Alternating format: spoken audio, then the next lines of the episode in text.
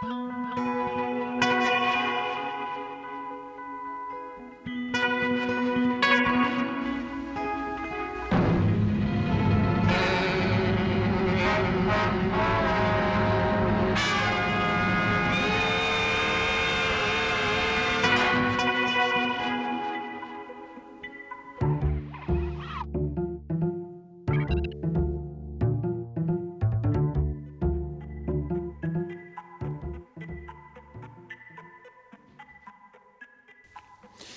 hvaða vils er hér í gangi? Hér er búið að splæsa saman stefjum lestarinnar og uh, viðsjár. Við erum að fara af stað með áramóta þátt um, umræðu um menningu og listir á árinu 2021 sem að nú er að líða. Krakkar, hvað er það að gera í dag? Já, við ætlum að vera með pallbórs umræður, við erum hérna öll saman uh, við uh, þáttarstjórnendur Viðsjár og Lestarinnar, Guðn, Guðni Tómasson, Kristján Guðjónsson, Halla Haraldóttir og Anna Marsipin Klásen. Uh, við ætlum að fá fólk til okkar, um, svona áramóta stemning, myndið ekki segja það? Halla? Ég vona það allavega, við ætlum að skipta þessu upp í tvo hluta. Í fyrirþættunum þá ætlum við að fá góða gesti og ræða svona það sem að hæst bar á árinu, í svona menningar afurðum kannski fyrir ekkar Og svo í setnilutunum þá fáum við Anna Marcibill til okkar góða gæsti til að ræða menningar miðlun og svona hvernig hún er breytast. Aha. Já, svona hvernig, eh, já, líf okkar auðvitað fer að miklu leiti fram bara á netinu í dag. Já, við viljum að tala mikið auðvitað um samfélagsmiðla en líka um hlaðvörp og kannski áður en að við byrjum á fyrra pælborinu að þá finnst mér að við eigum að fara yfir hvað svona kom hæst, bar hæst hjá okkur í menningar afurðum á árinu. Mm. og ég vil einmitt nefna hlaðvarp, hlaðvarpið Genstat sem er sem sagt danst fréttalaðvarp framleitt af Danmarks Radio. Og ég er bara algjörlega orðin háð því hlusta á það alltaf þegar ég fer í ræktina, það er rosa mótiverandi þannig, ég, já, segi það þannig að, hérna, að vera með einhvern góðan dana í eironum þegar maður er á hlaupabrettinu og en það sem er áhugavert reyndar í því er að það er fréttahlaðvarp og af því ég hlusta mikið á fréttahlaðvarp þá ger ég ráð fyrir að aðrir gera það. En svo á topplista Spotify á árinu fyrir vinsalstu hlaðvarpin þá var bara eitt einasta fréttahlaðvarp The Daily frá New York Times. og annars er þetta allt spjall hlaðvörp sem að koma ekki frá hefðbundnum fjölmiðlum, þannig að það er áhugaverð þróun. Ábyggli svært. Guðni, hvað hva stóð upp úr menningarunni hjá þér? Þú ert, uh, já, fylgist með í, í myndlistinni og leikhúsinu og tónlistinni. Er einhver svona sérstök sena eða, eða einhver listgrein sem þið finnst vera skemmtileg gróska í? Mér langar að nefna tvent, jú, það er nóg að gera í myndlistinni og og víða um lönd og, og mikil orka sem að fylgir henni. Og svo langar mér líka að nefna íslenska jazz tónlist sem að kemur mér eiginlega alltaf á óvart á hverju ári þannig að það er svo mikið, mikil gróska í henni og, og mikil leikleði og það er svo auðvelt að búið til verkefni verist þeirra, það er allir tilbúinir að hlaupa inn í stúdíu með næsta manni og taka upp eitthvað spennandi, nýtt efni. Og já, svo nefni ég reyndar mér langar að nefna eitt norrænt hérna, sem var á mínu vegi, það var Vestamanniski heimi mynd, mm. kvíkmynd sem ég sá nýri frábær bíómynd já, mm -hmm. nýri Bíóparadís gaman að sjá eitthvað norrænt og, og hérna, vera fyrir áhrifum frá frændum vorum á Nor Norrlöndum og svo hef ég verið marineraður í Vikingi heiðari vel af árunnu Mozart mm -hmm. Kristján, hvað segir þú?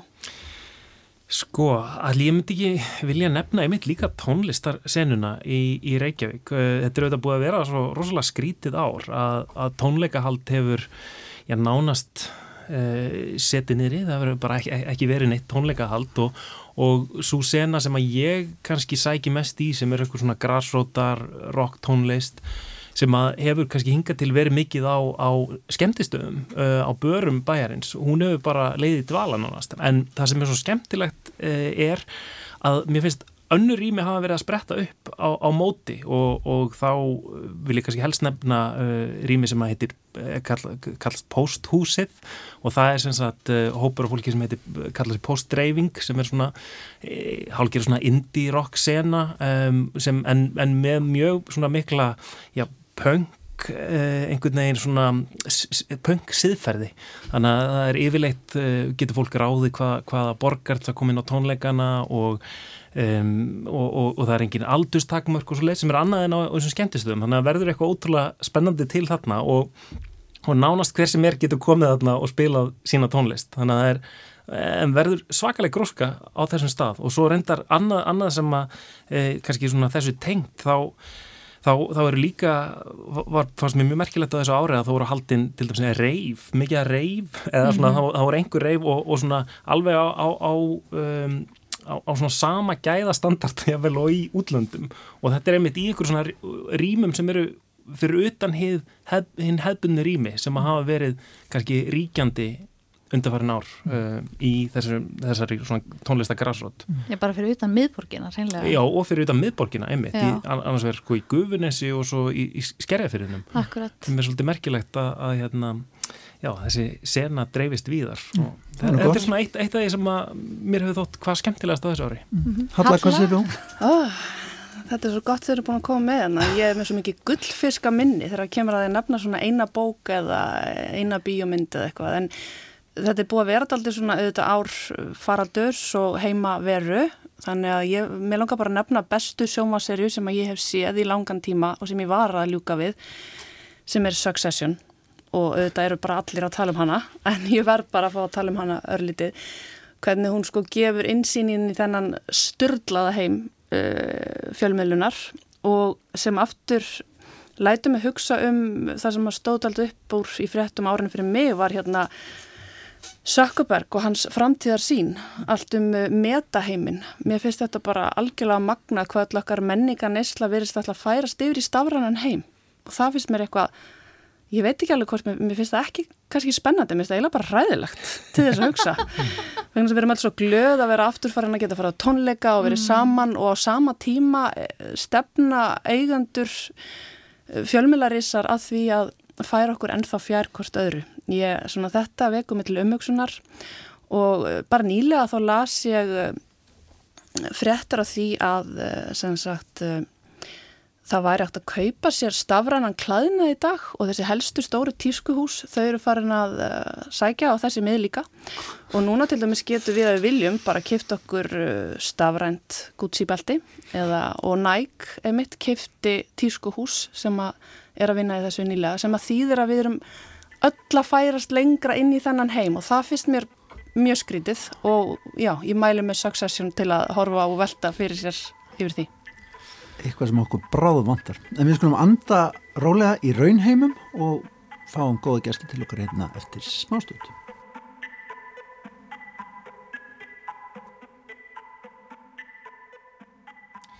Já, við guðin erum konið með fjóra gæsti hinga til okkar í hljóðverð nummer nýju í efstaleiti. Þetta eru Einar Falur Ingólfsson, ljósmyndari og umsjónamaður menningar efnis í morgunblæðinu. Halla Helgadóttir, frangatastjórið miðstöðar hönnunar og arkitektúrs, Guðnún Sóli Gestóttir, umsjónamæður menningarinnar á Rúf og Gunnar Ragnarsson, tónlistamæður og kveikmyndagagrindi verið velkomin öll fjögur. Takk fyrir. Takk, Takk fyrir. Guðnún Sóli, af því að ég veit, svona, ég byrja á því að spyrja innanbúa manneskinu hérna, af því ég veit hvað þú hefur verið að dundaði við síðustu daga og þið í menningunni, að fara yfir þetta ár, 2021 og það sem að svona hefur hæst borið í ykkar umfjöllun Eh, var þetta gott menningar ár heldur þau? Það myndi ég að segja. Sérstaklega í ljósi, veirunar, skæður. Þá var þetta alveg ótrúlega frjótt og litrikt og fjölbreytt ár og mér varst svo fallegt hvernig við nýttum þess að fáu glukka sem við fengum til að halda viðbyrði, koma saman, miðla menningu. Þeir voru svoleið stappaðir af einblastri og, og hérna bara svona ást á samkomum og, og hérna því fyrir bæri að fá njóta í félagskap með öðrum Já. og alltaf fyrir mína part þess að segja, við erum búin að vera að föndra þannan Annarli og Bergstedt e, undarfarna daga og þá það kemur einhvern veginn alltaf mikið óvart já, wow, þetta allt rúmaðist innan ársins já. mér finnst einhvern veginn eins og að segja þrjú ári í einu kannski mitt út af því að tímaskynni mann sé svolítið bjagað mm -hmm. í COVID en líka vegna þess að við virkilega sko komum svo mörgu í loftið og ásvið og einhvern veginn innum hlustir og augu og eyru okkar allra og hérna þá, það er kannski eitthvað þessu efni sem við fengum að njóta núna 2021 sem hafi verið í byðstöðu árjafel 2 eitthvað slúðis og það sprakk út í þessum góðu góðu glukkum þannig að já, ég myndi alltaf kalla þetta menningar ár svolítið safaríkt og gott mm. Hvert er mat morgumblaðsins þegar kemur það þessu eina falur að hérna Var þetta gott ár? Já, mjög mörgur leiti held ég. Þetta var náttúrulega mjög skrítið ár líka. Því þetta náttúrulega var ár mótað af uh, náttúrulega hiki og hyggsti og, og stoppi og óvissu. Og ég held að það hefði haft mismikil áhrif á, á listamennin ímsu greina á meðan til að mynda þeir sem er í tónlist, þeir hafa allir verið, verið, verið hljóðrita heima hjá sér og, og kollegi minn Átni Mattíasson sagði til dæmis að fyrir fjórum árum hafi komið út 250 uh, plötur íslenska listamanna, náttúrulega margar koma núna bara út úr netinu, en í ár hafi komið út 500 plötur íslenska listamanna. Já. Þetta segir náttúrulega sitt um, um sko gerjurina heima við. Mm -hmm. en, en svo náttúrulega hafa listamenn átt mis auðvelt með að koma sín og framfæri. Við sjáum þetta, þetta líka springa út í mjög blómleiri bókaútgáfinuna. Einirkjarnir, þessi sem hafa setið lokaðir heima, hafa verið dugleir, hafa ekki getað annað. En við veitum náttúrulega líka að þetta náttúrulega hefur bytnað öðruvísi á sviðslista fólkinu í tónlist, leikúsi, dansi, óperu og svo framvegs. Ja. Þannig að þetta er svona misblómlið, má segja, fyrst mér. Já, það er aldrei mismunandi eftir sviðum og þetta kreppan helst í á, í sviðslistunum mm. Já, Menna, algjörlega Það lítur að, en finnst ykkur þau ekkit í leikórsunum vera að rétta úr kútnum? Halla? Uh, já, það er kannski erfitt að segja, jú, auðvitað, sko, bara fyrir nokkrum vikum, ef við munum það, þá bara fannst okkur COVID vera búið, sko. Mm. Þannig að, hérna, mm. og maður bara byrjaði að bóka, hérna, ég fór að kaupa alveg óhefmið mikið tónleikamiðum og, og, og eitthvað svoleiði, sko. Þannig að ég held að að það, við erum að stígu út og ég menna að það er verða halda viðbyrði þannig að, hérna, að það eru þetta betra núna.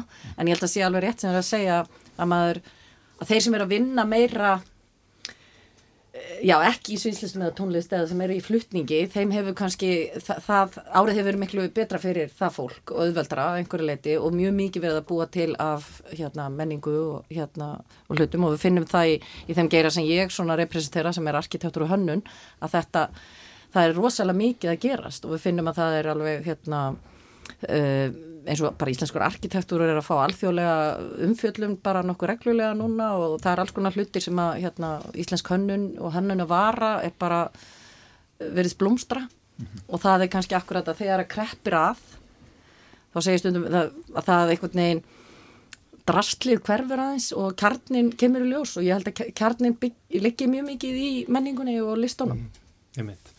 Eh, kvikmyndirnar, Gunnar, hérna, þú hefur fylgst með þeim núna vel í ár sem kvikmyndagrækrendi, mm -hmm. þær eru þetta svona eh, kannski þarna mitt á milli, það er þetta að stoppa þetta allt í, í framleiðslu kvik, kvikmynda þegar kóið hófst. Þetta eru svona alltaf svo stórar framleiðslur og mikið af fólki sem kemur saman, en, en nú er þetta einhvern veginn farið að matla aftur virðist vera og hérna hvernig, hvernig leita árið út svona, Þannig að bíón, bíón sko opnuði að þannig eh, í fyrra þá, þá var náttúrulega bara allt stopp, allar stórmyndi voru ekki frumsýndar á svo leiðis, að því að það var svo mikið lokanir á alþjóðlega sko. Og þannig að það voru fullt af stórmyndur sem bara kom ekki. Bond var til, til að mynda fresta held ég þrísvara fjóru sinum, hann kom núna loksins í haust. Og já, þannig að á svona alþjóðlegum skala þá er, er náttúrulega fólk aftur byrjað að fara í bíu og, og það er náttúrulega búin að vera allavega undarfarnamáni þá fullt af stórmyndum mm. og líka svona uppsapnað líka á listræðinu myndum.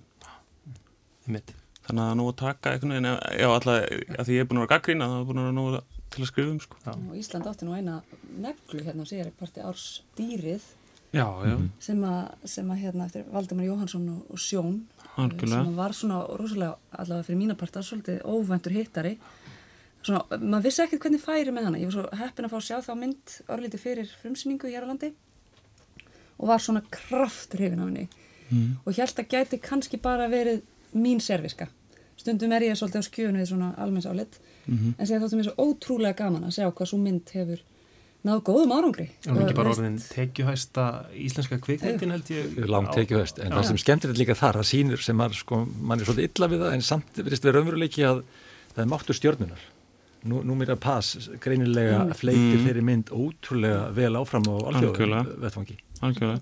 Mm. Þa, það er náttúrulega með dýri líka með, með samingi með hana að þau sko landa þessum samningi við A24 sem er rosa stórt svona hana, dreifingar og framleyslu fyrirtæki í bandarækjunum og sem er á sér rosa diggan aðdáðanda hóp. Mm. þannig að hún ratar í bara í fullt af bíóum. Það, það, það er rosa stór biti en, en, en kvikmynda árið er náttúrulega efnitt og sjónvarsárið í íslensku samingi er náttúrulega mjög það er rosa mikið í gangi náttúrulega kalla og eitthvað. Mm. já, það er bara margt svona Einmitt. mikla hræringar og, og já, og kannski íslensk kvikundagerðir að færa sig svona eh, er bara stendur, já, bara tengslinn við að svona aðþjóðlega kvikundagerðan er, er alltaf styrkjast. Svona, svona ef við horfum á þessi miðnað Ég vil líka hugsa þetta að þetta er svo fjölbreytt efnistök í íslenski kvikundagerð það er sko dýrið sem er einhvers konar svona djúb, sálfræðilegur jafnvel science fiction sko, svo ertu mm. með síðasta saumaklúpin það er bara svona gaman, gaman, gaman hlæ. Já, já. svona sem snerti Le, le, leinilöggun alltaf sem já, er alltaf og er leinilöggun sem er um allt öðrum tóa sem að líka nær svona góðu gengi utan landsteinana Mm -hmm. mér finnst það svolítið skemmtilegt hvað þessi litla fámenn að þjóður er að búið til svona efnislega fjölbreytar kveikmyndir mm -hmm.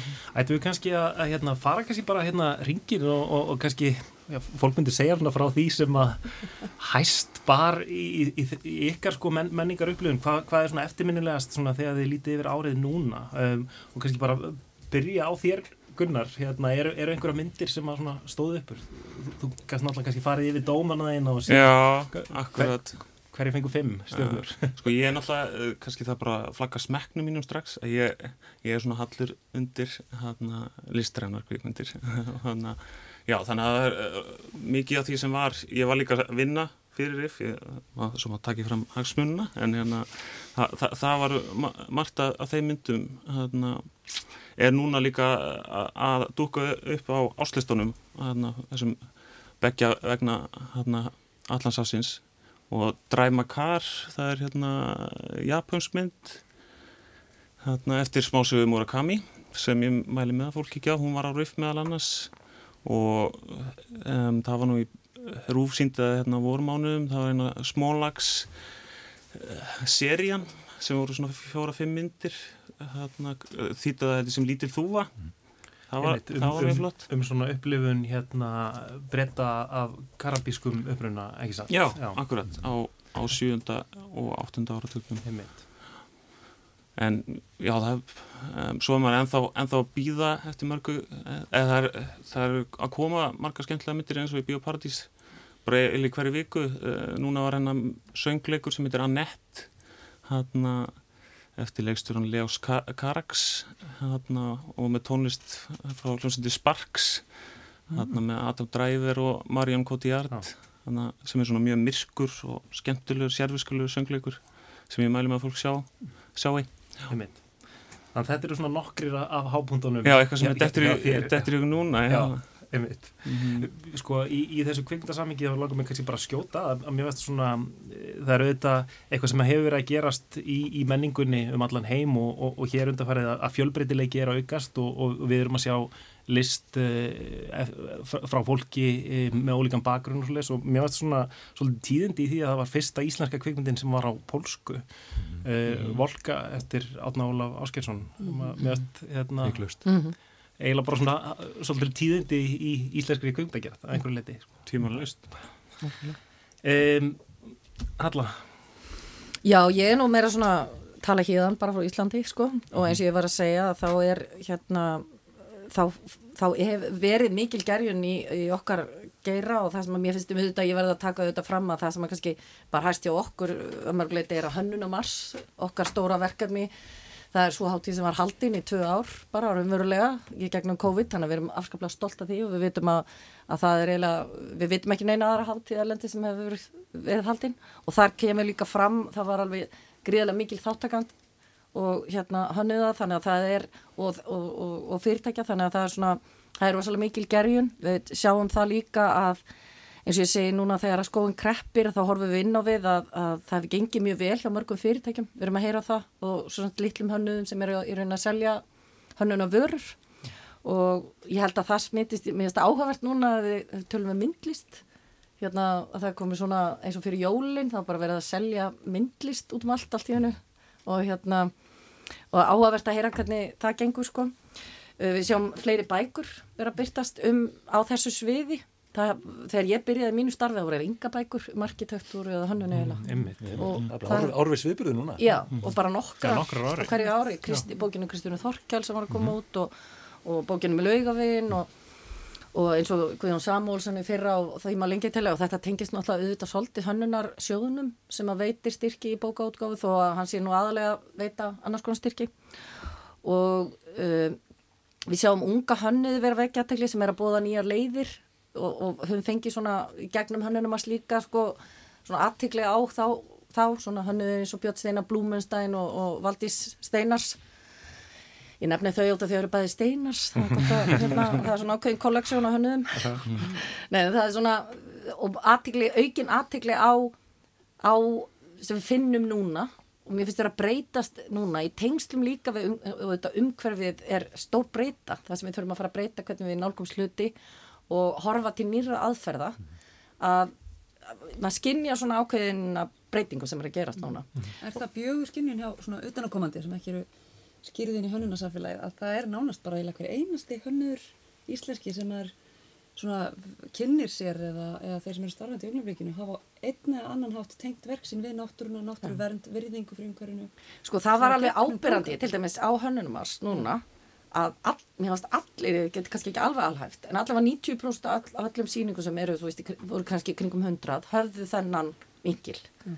og það sem að mér fannst pínum markarandi var að meiri sé allt sem var sínt í epal epal er kannski svona mekka vörunar mm -hmm. og hérna og viðskiptanna en eða allt sem var þar til sínis var líka mm þannig og það eru auðvitað fyrirtæki eins og Fólk Reykjavík og Farmers Market og sem eru auðvitað það er allir að taka þessa breytu inn og það er kannski í gegnum sko fjárhastlegar áskorunni sem koma í kringum eins og COVID og komu í, í, í efnahagsrunnu að þá horfum við, fyrir við að horfa öðruvísi á hlutina. Mm.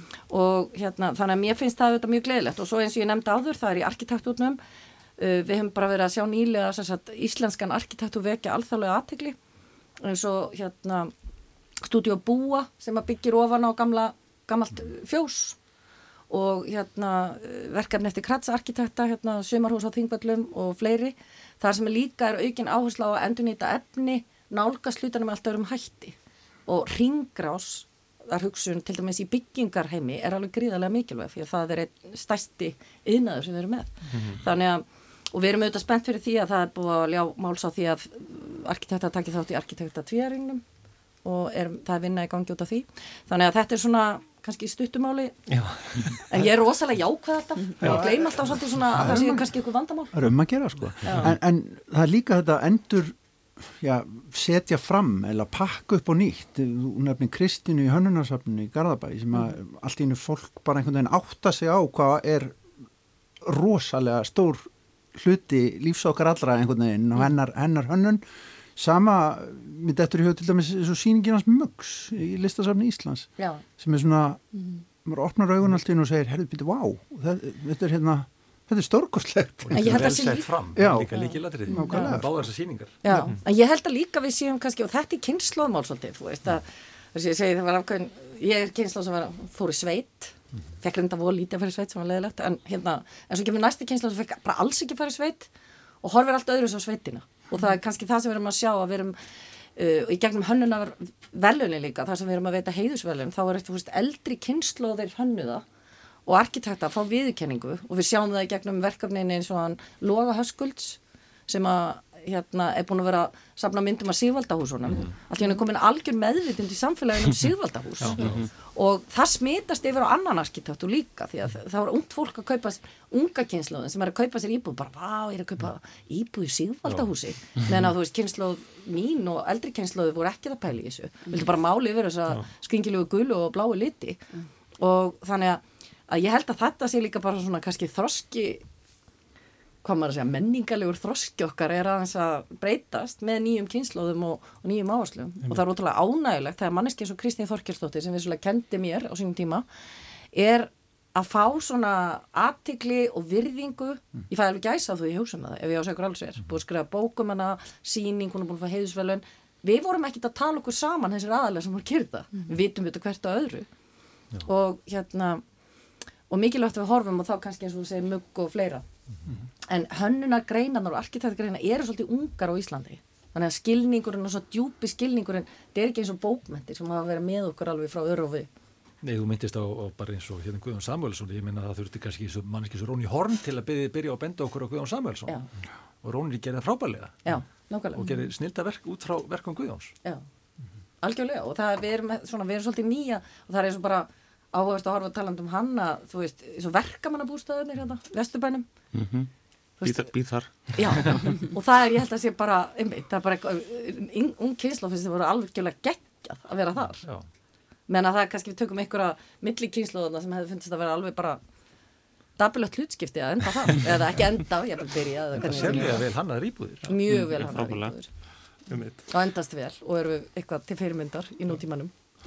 Einar er eitthvað sem stendur upp, á, upp úr hjá þér á árinu svona? Það er mjög margt í rauninni sko, ég var að tala um mínar greinar hérna sko sjálfur myndlistamæður og, og, og gerir bækur og, og uh, það er margt uh, sko við kikið bara eins og bókaflóði núna, ég er nú lengi í mörg ár verið svona alltaf innvinglaður í það, skrifa mikið af gaggrinni og, les mjög mikið og kannski aðeins minna í ár heldur en ofta áður út í sjálfur að gera síningar en, en sko uh, þegar spurtur um tíðindi jólabókaflóðsins eins og ég, sem ungur menningarblæður með þeirri kringu 90 þá var alltaf spurningin hverju tíðindi þessa bókmynda árs sko uh, hinn öfluga bylgja ljóðabók heldur áfram, ég finnst það mjög mikilvægt og merkilegt, við erum í svona mjög fallegri uppsöflu uh, ljóðaútgáfi finnst mér. Uppáhaldsbæku mína þar uh, Mattías Jóhannes sem er frábæra bók, rúmlega nýraður Jón Kalman kemur fyrir skipti fram aftur í 28 ár með ljóðabók mjög góða. Uh, þetta eru svona bækur sem að koma strax upp í hugan Ísak Harðarsson var að senda frá sig frábært smásannarsapn, sitt fyrsta í 32 árið eitthvað hannig aftur sko uh, mjög merkilegt verk uh, og svona já og, og marga bækur sem ég er spenntur fyrir að lesa. Mm -hmm. Horfum í mest aðeins vandarindar talandum allar mittist á hérna hvað, hvað er niðursefla sko svo aftur í móti mínum geira myndlistinni. Við erum svolítið að sjá aftur svolítið sunga við söknu forlags eins og krimogífumarkaði sem var, var náttúrulega fyrna gott uh, forlag fyrir myndlistarbækur. Ég get alveg sagt að þótt ég hef verið einn, einn af höfundum þar en sko ég finn svona það er mér stoltið, stoltið svartól þar núna vegna þess að hinn hagnaðar uh, svona uh, knúðu, knúnu forlög þau hættar sér alltaf inn á þann geira sem er sá samt svo geiri í alþjóðabókuútgáfu sem er hvað blómlegastur í dag. Mm. það er allavega myndlistabækur og höfnabækur mm -hmm og það er svolítil eiða þar núna sem er svolítið öskrand eiða fyrst mér sjálfum. Og ég sakna þess. En hvað myndlistana sjálfa var þar þá var, er margs að minnast fyrst mér frá þessu ári e, margar öfluga síningar til dæmis í síningarauðinni á, á svona, við getum talað um þessu svona mid-karriér síningarlista sem Reykjavíkur síning Sigur Átnar sem var frábær, stóð langt fram á árið. Hún var, hún var alltaf að hætta og loka og stoppa og byrja aftur. Uh, og Guðnur Rósa sem er það núna sérlega góð mm. uh, ótrúlega vel hefnuð síningaröð fyrst mér. Og lakka til að sjá Guðjón Ketilsson ára næsta ári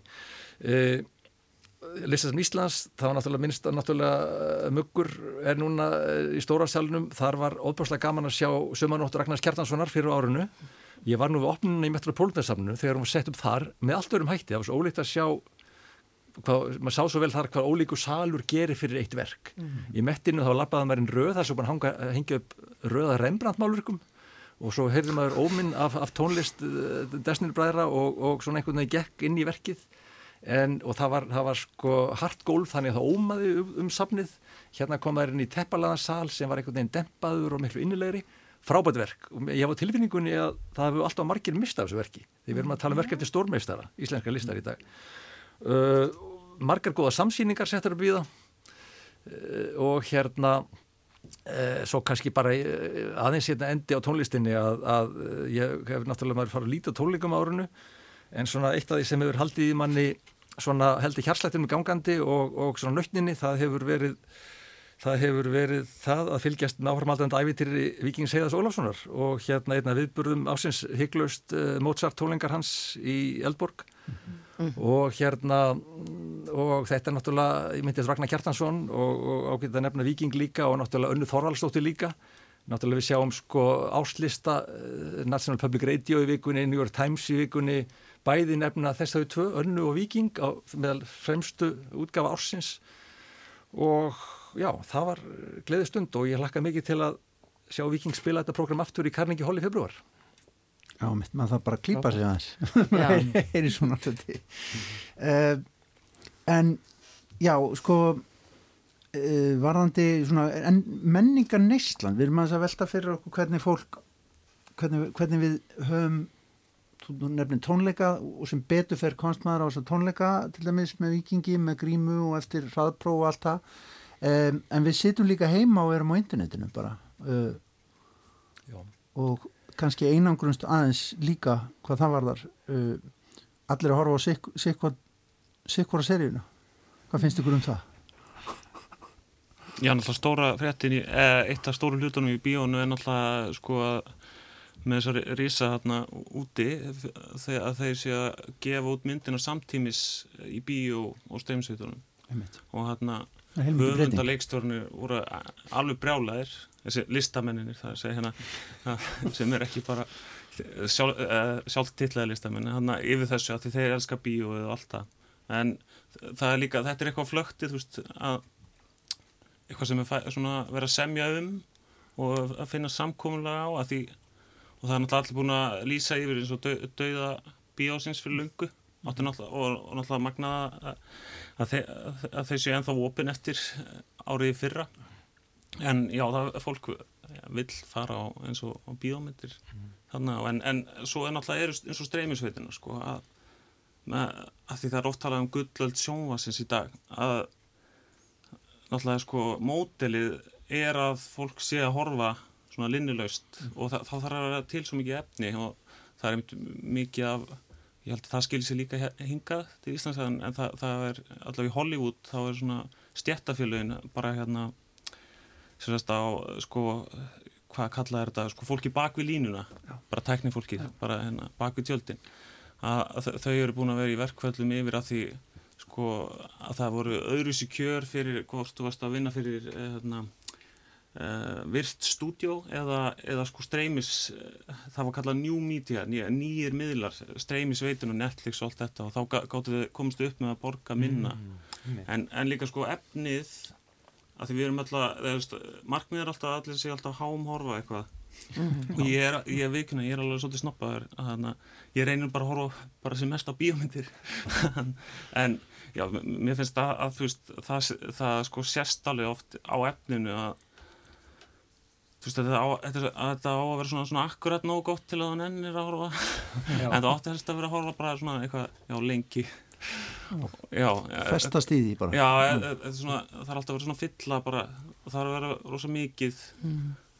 gerist oft í þessum sérium með mynd að þú horfir á okkar fyrstu trá þættina og þeir eru mm. frábærir sérstaklega þú ert að segja þetta og svo bara allt í hún dettaður nýður þá kannski vera að tegja lúpan. Já, ég hef trú á þessu. Ég held að segja einhvern veginn svona þessi saminuðu sjónvarsmoment séu ekki út auð og mér erst við hafa að segja svona nokkra, nokkra sannanir um það á þessu ári.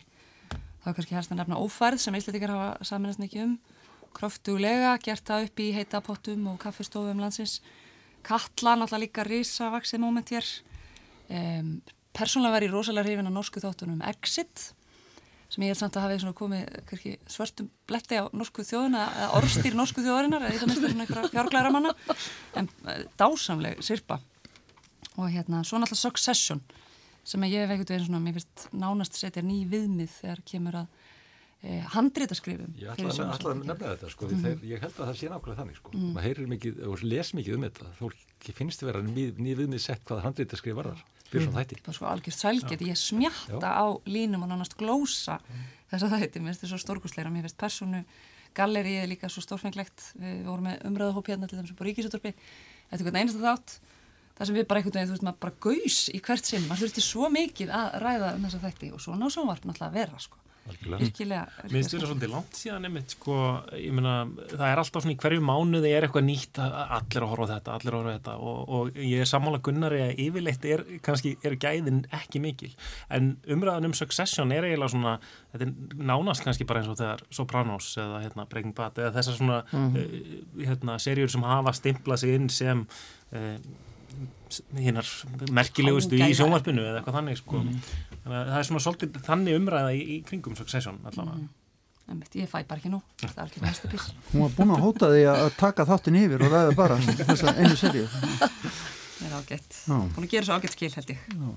En, en Guðrún, hérna, þú ert í hver, hverju viku að hverjum degi að, hérna, að fara út og tala við fólk og, og mm. þú mikið svona með puttan á púlsinu finnst mér hérna, í, í grásrótinni og, og svona e, myndlistinni, hérna, myndlistar grásrótinni. Mm. Sko, hvað hva finnst þér fólk vera, hvað finnst þér ungu listamennendir vera að pæla í? Eru, eru þeir ekki líka svolítið mikið komnir í eins og, eins og Halla var að tala um e, loslagsbreytingar um hverjusmálinn, er þetta ekki svolítið svona mm. dóminerandi eða, eða áberandi Jú, það er, það er vissulega svolítið þema líðandi stundar og mér, mér var svolítið hugsað til þess þegar Halla var að reykja þetta hérna áðan að það er svo heppilegt í lokárs að þá taka við þessar jólasölu síningar á íslenska myndlist.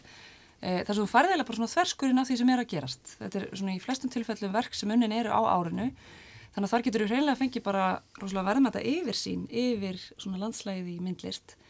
Og einu viðmælanda var það orði Ólafur Rutt hjá Ásmundarsal, hún sagði sko að sérþætti svona algengasta viðfánsefni íslenska myndlistamanna og þá kannski ekki síst ungu kynnslóðarinnar sé kvíði.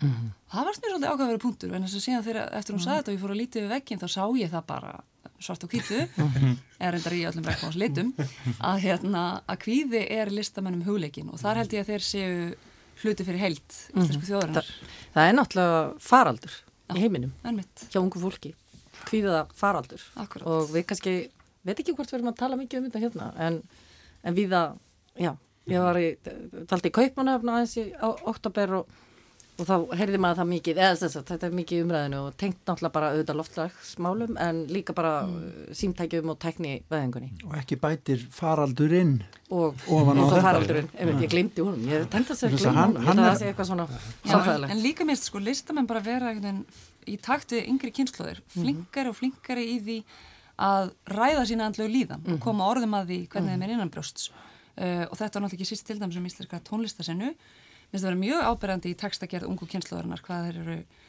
þessi tónlistamenn, þetta tónlistafólkjallramann að tjá sína tilfinningar með svona óveinu einlægum og svona afdrátturisum hætti meira en áður hefur verið gert í, í minniskinunni í það minsta. Mm -hmm. Við sjáum hérna íslensku rapp rúsínurnar allar, skiljur sem eru fættar guðmáðið ekkert um aldamátin er þetta svo færar í því að slípa til tungumáli sem það nota til að tjá tilfinningar sínar og líðan mm -hmm. og þetta held ég að gagnist okkur öllum sem tökum sér inn þessa tónlist og þennan texta og slípumst sjálf í því að tala um tilfinningur okkar sem hlýtur að vera eitthvað sem að gagnast öllum sko. Nú eru öruglega einhverju sem hlusta og, og, og kannski þekk ekki sinna mjög vel og halda að þetta sé allt bara eitthvað yfirborð og, mm. og fluff mm -hmm.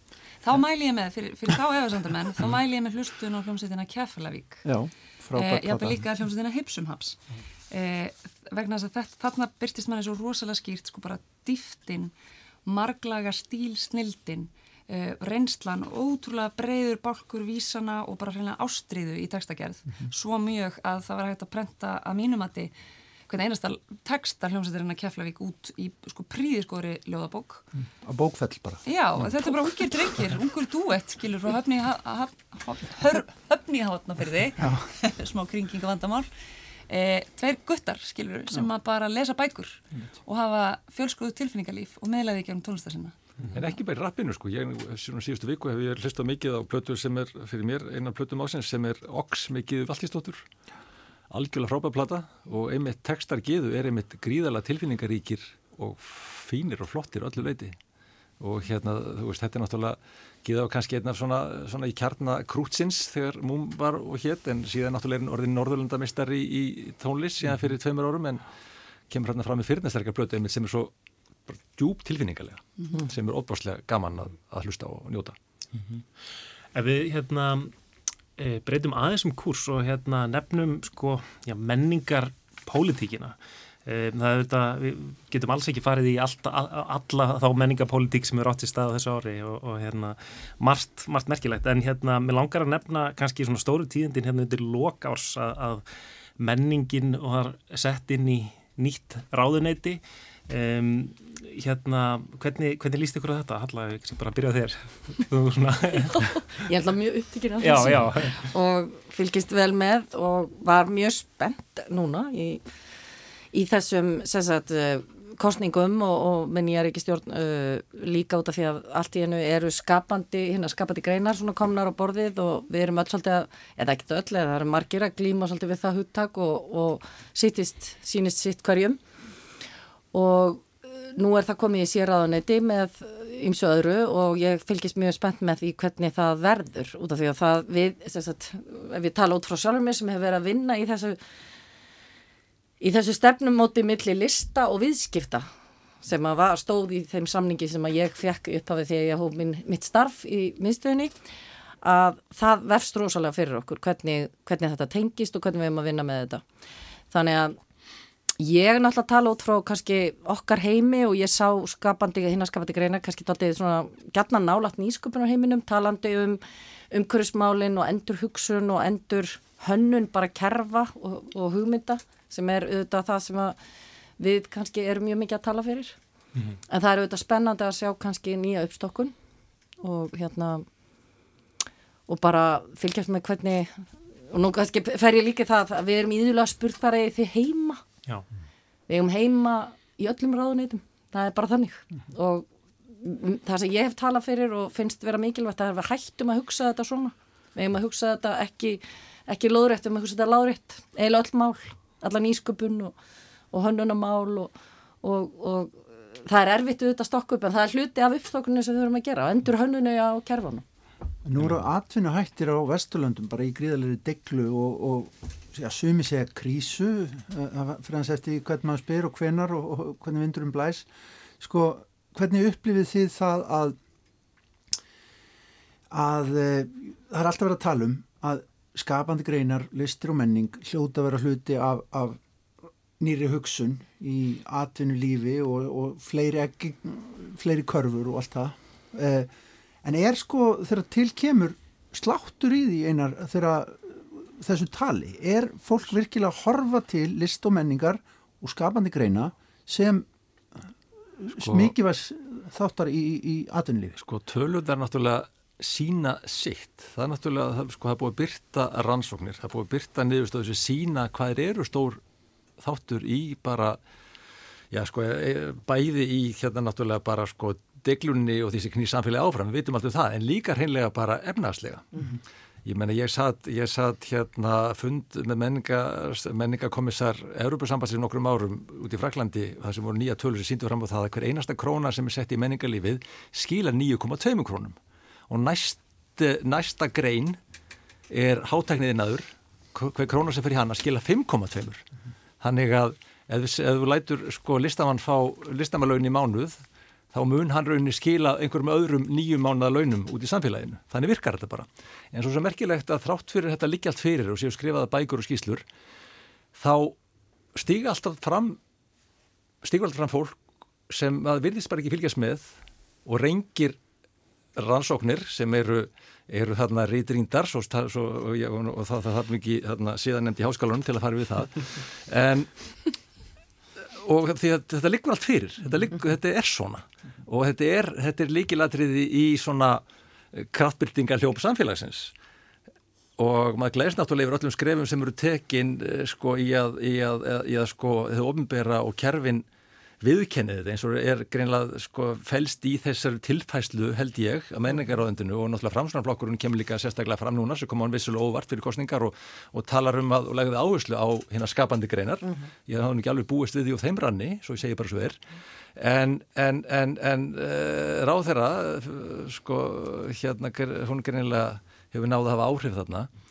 En Ég er bara úr það gammal að ég sko, það, það er alltaf jafn svekkjandi þegar sko stjórnvöld alltaf stiga tilbaka og, og einhvern veginn þegar reynir á hlutina þá gleymaðu að taka tillit til þess og, og, og bara setja þetta inn í heldamindina, inn í jöfnuna, menningunum veist mér. Það er akkurat þetta að það er ekki verið að taka utan um þessa málaflokka, sko einhverju leiti vil ég segja að þetta er svona yfirfærið við bara í sko íþróttir, mér finnst menningamál vera ég upplifði það því ég byrjaði mínu starfi að þetta er varnarleikur, þetta er rosalega varnarleikur stöðut, það verður að verja, verja listir, það verður að verja hluti, það verður að það er ekki sóknarleikur En það er svolítið að segja listamenn ofta, það er náttúrulega frábært að geta verið ábyrralaus og þurfu ekki að vera með á bakinu og að það svo gerir skaffi rosalega mikla tekjur og peninga. Nei, ég, nú er ég að tala um stjórnkerfi. Ég, ég veit það. Ég er að tala um stjórnkerfi, ég er ekki að tala um listamennina, ég held að þeir séu bara, og það er alveg, alveg á hreinu að kjarni lista, hann á ekki að vera að hugsa á peningalögum nótum. Uh, skapandi greinar eru listir, þær eru menning og þær eru afleitar viðskipti sem verður til að þeim. Og það er kvikmyndagerðin til dæmis alveg mjög skýrt eh, og til dæmis einfalt dæmi að horfa á. Það sem að, að kjarnin það, það er enga bíómyndi sem verður til á, á, hérna, á, á lista. Mm -hmm. Og, en það er heilt geiri og ætlum að draga línuna þannig að, að hinn kreatífi kluti kvikmyndana sé einhver staðar og business hlutin sé einhver staðar annar staðar. Er það yðnaður og hitti list? Ég vil bara uh, vera skora á þessa hugmyndir. Það þarf að við þurfum að horfa á þetta sem eina eitt samhengi sem vinnur saman og það samkvæmt, skapandi greinar, að tala um skapandi greinar það er eina vitið að hugsa um það er svona, annars getum við bara haldið áfram að tala um listur og menningu skapandi greinar eru öllir þessi komponentar saman og það er kannski til og núna til þess að setja þeirra inn í eitt ráðuniti en það þarf að hugsa þetta eins og ég segi, í, í sókn en ekki vörð sko. mm -hmm. og það er við um fullt af eins og maður, já, svo ég sletti success case-um núna sem eru að bara sem við búum að nefna hérna það er bara magnaf. Já, við kannski okkur yfirsást eitt stærsta success case íslenska listasögu já. sem er Björg Guðmundsdóttir Já, já. Svo að það verður nú að koma fram tónleika sirpan hennar í, í hörpu var svo guðdómleg mm -hmm. svo heppin að sjá tvo af þeim tónleikum Algjörlega. og það er auðvitað, það komaði mitt svona risavaksnir snillingar risavaksnastjörnur inn á milli já, já. sem, sem mjóta Eh, listnáms á Íslandi og styrkja og, og fleiri auðvitað. Já og bara stúa við myndinni sko mm. og við sem er kannski erum búin að vera lengja vinni í þessu erum eins og kannski einafalum, maður er bara óþólum að sjá þetta tekið, það er eitt kunningum minn sem segir að listinnar alltaf við barnaborðið í umræðinu og mér fannst það bara leðilega góð lýsing hjá honum og ég held að við séum komin á stað þar sem að þarf að nálgast þetta með öðrum hætti og, hérna, og vona að við séum að fara að sjá það. Þið nefnir viðskipti og menningu saman í ráðanindi sem er búið að breyta. Það er líka búið að auka sagt, möguleika á því að enga aðilar þeir uh, fái endugreðslu eða sagt, frádráttar bært frá skatti meiri stöðningi inn í menningar, menningar og og listalíf og ýmslegt reyndar fleira. Það er verið að auka þessar hugmyndir um að stórfyrirtæki láti gott að sér leiða á víðum sem ég held að vera greiðilega mikilvægt skref. Við sjáum séð náttúrulega mjög hvernig það virka mjög vel í mörgum öðru löndum. Mm. Sumur segja að þetta sé, eru nekkit annað en þú getur svolítið ráðstafað í hvert skattur þið fer mm -hmm. og sem er sjálf sem er fallið hugsun sko. Uh, En við mögum heldur ekki gleyma því, við náttúrulega fögnum þessu og þetta er náttúrulega, því að þetta er náttúrulega stuðningun er mikilvægur og meðvitund inn að fyrirtækja í garð listar er mjög mikilvæg og, og ég held til dæmis að það var svona, það var, var svona falleg bilgja í þá veru um miðja 20. öld þar sem fyrirtæki voru, voru virk í, í stuðningi við, við listir en svo einhvern veginn dopnaði yfir því. Ég held að þetta geti aftur, aftur kvati mm -hmm. en ég vil heldur ekki, við mögum heldur ekki gleyma því, við erum í litlu fáminu samfélagi svona í, í norrænu velferðarkerfi og það er náttúrulega módel sem er marg búið að sína fram og virkar mjög vel mm. að þið hefur ofnbæra noti hluta skattfjár til að til að, stu, til, til að styðja við skapandi starf sem síðan markvaldast aftur út í samfélaginu, bara sem ábyrður. Mm. En, en ég, fyrir mig, ég, mér finnst þetta að vera mjög gott þegar þetta komið saman. Til dæmis að að, að, að þegar fólk getur semst, uh, farið inn á síningu og keft verk og, og, og fyrir, fyrir einstakling eða fyrirtæki og að hluta geta fengið tilbaka og, og þá er þetta stuðningur við samfélagslistana, við listarinn sköpun. En það náðu líka hugsa stórt eins og við horfum á, sko, við viljum gætna vera nálagt nýsköpunaheiminum eins og ég var búin að segja og hérna að þar eru til dæmis endugreislur fyrir rannsóknar og þróun þar það eru, það er dýfst í vasin eiginlega, það eru 10 miljardar sem fari í það. Og við viljum gætna sjá í okkar heimi uh, okkur, fara nær, nær slíku og það eru þetta uh, hérna já, ég treytist ekki á að segja, þú sagðan starra kannski, það er svona eins og detta alltaf 2-0 aftan af þegar að þegar menning og listir eru nálagt sko. þannig að ég held að hérna og núna er vissulega, svo ég takk ég smá neikvæðni, það er 12% niðurskuður að krafa núna á fjárlegum, ég held að það geldum alla sjóði meira að minna, ég er ekki búin að kynna mér þetta nógu vel en það er mjög mikið og, en það er til dæmis ekki á endurgriðslan í rannsóknum og þróum og hérna sem að já, ég er umhugsunavert, skulum við segja. Allavega. Þetta, við erum svona það er að síga á setni hluta núna er komin samt tími þar sem þið þurfa að tellja upp allt sem þið glimtu að nefna. Hérna, síðasti sko alla viðbyrðið sem þið sáðu sem að voru góðir en uh, þið eftir að nefna. En haldið þið að, að, að þetta sé ekki að fara að koma? Svona þetta með að, að réttu kútnum Að tala um heimsfaraldurinn? Já, me, já menningarli, að menningarlífið í kjálfarhans. Ég er með síningu í Köpunöfni í janúar og ég fekk meldingu á þann að það væri vegna hertra regla í Köpunöfn Danmurku, það væri verið að blása af opnun, hann ég, maður bara, það kom alltaf þessi skref aftur og bakk. Maður veit ekki neitt. Uh -huh. en, en ég minna listamenn haldur fram að skapa verkin sín, en þetta er spurningum aðgengja þeim. Já, akkurat. Eða eh, Við segjum þetta gott í bylli og höldum áfram hérna eftir stuttastund. Já, þá, þá um, Halla Haraldóttir og uh, Anna Marsabill Klásen til sín góða gesti en við þakkum gestum okkar hér í stúdjó 9. Takk kærlega fyrir komuna, Einar Falur, uh, Halla Helgadóttir, Guðrun Sólei og Gunnar Ragnarsson. Takk fyrir komuna. Og skum ykkur gleðilegs menningar ás 2000 hverja, 22, heitir það ekki? Takk sem leiðis. Takk.